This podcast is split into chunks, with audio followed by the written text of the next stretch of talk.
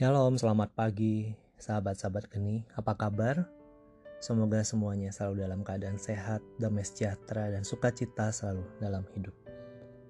Hari ini bersama saya Ari Mardawa Kencana dari Persekutuan Doa Santa Maria Immaculata, Tabanan.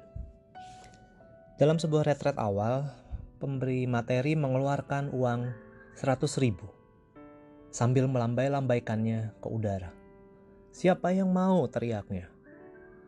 Semua peserta berlompatan.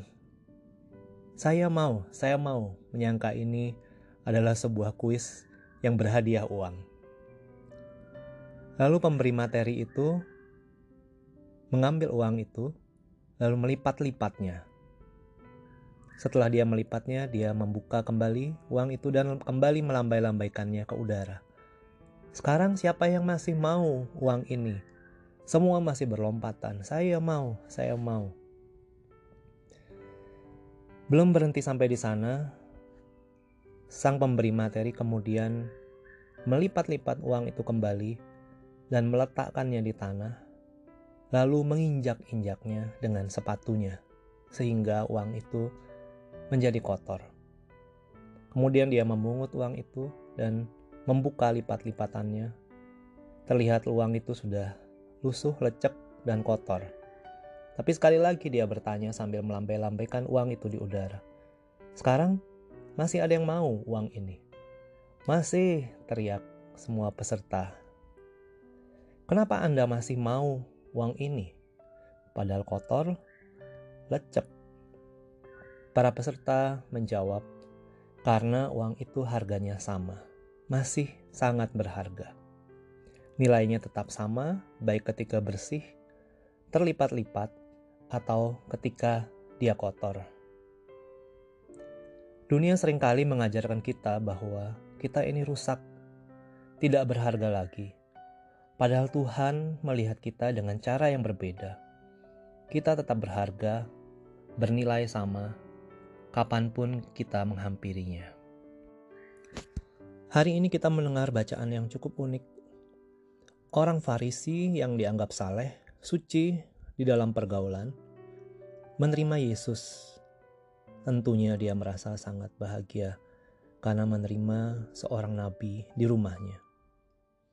Tapi sementara Yesus justru menerima seorang wanita yang seluruh kota tahu perilaku dan dosanya.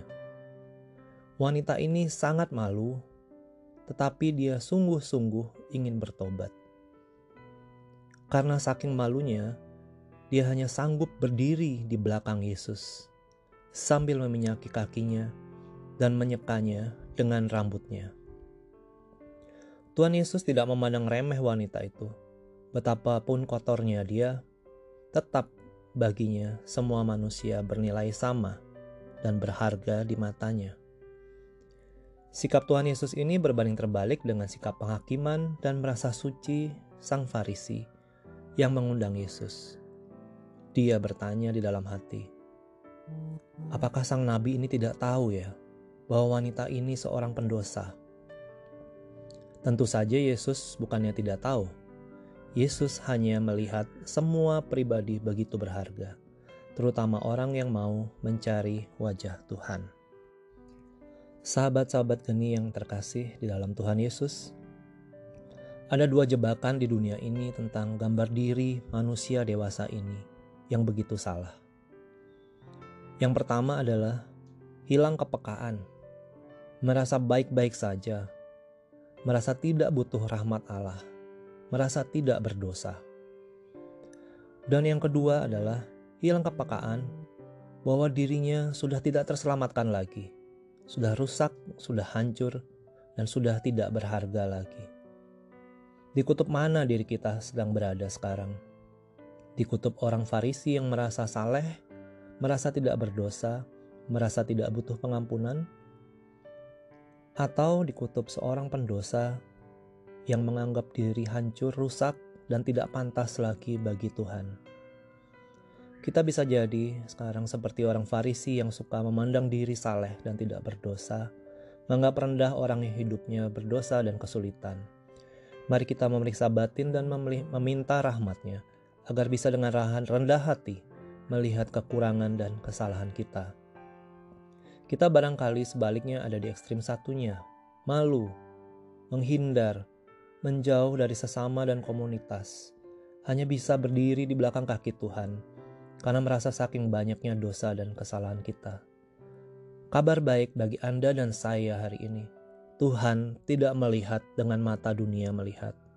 Dia tetap melihat Anda dan saya berharga. Di matanya Anda tetap berharga, entah bersih, kotor, terlipat, ataupun rusak.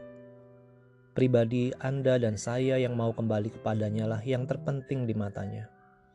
Mari kita juga hari ini mohon rahmat agar mampu melihat diri kita berharga seperti Yesus melihat kita yang begitu berharga. Selamat pagi, Tuhan memberkati kita semua. Amin.